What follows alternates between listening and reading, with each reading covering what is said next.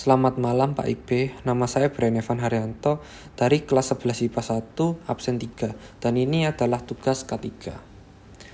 Alat musik harmonis adalah alat musik yang berfungsi sebagai melodis dan sekaligus ritmis, yang berarti dapat digunakan sebagai alat musik pengiring dan juga dapat menghasilkan nada. Contoh alat musik harmonis adalah piano, organ, keyboard, gitar, sitar, dan sasando. Saat memainkan akor dalam alat musik harmonis, pastikan teknik penjarian atau fingeringnya benar.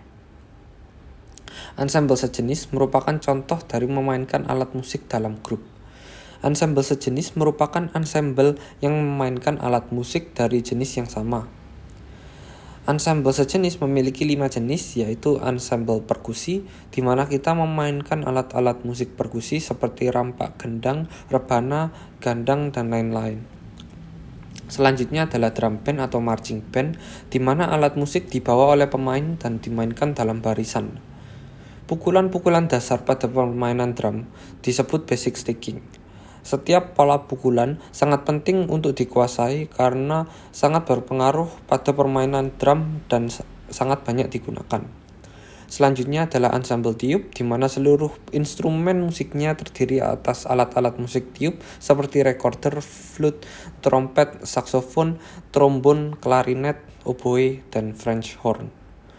Selanjutnya adalah alat ensemble gesek yang merupakan ensemble dengan kelompok alat musik gesek seperti violin, biola, cello, dan kontrabas. Yang terakhir adalah ensemble peti atau gitar, di mana yang dimainkan hanyalah gitar.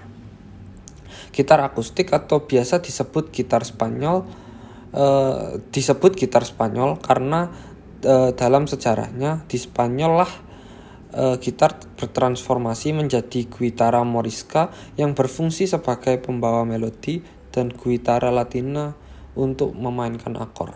Sekian terima kasih.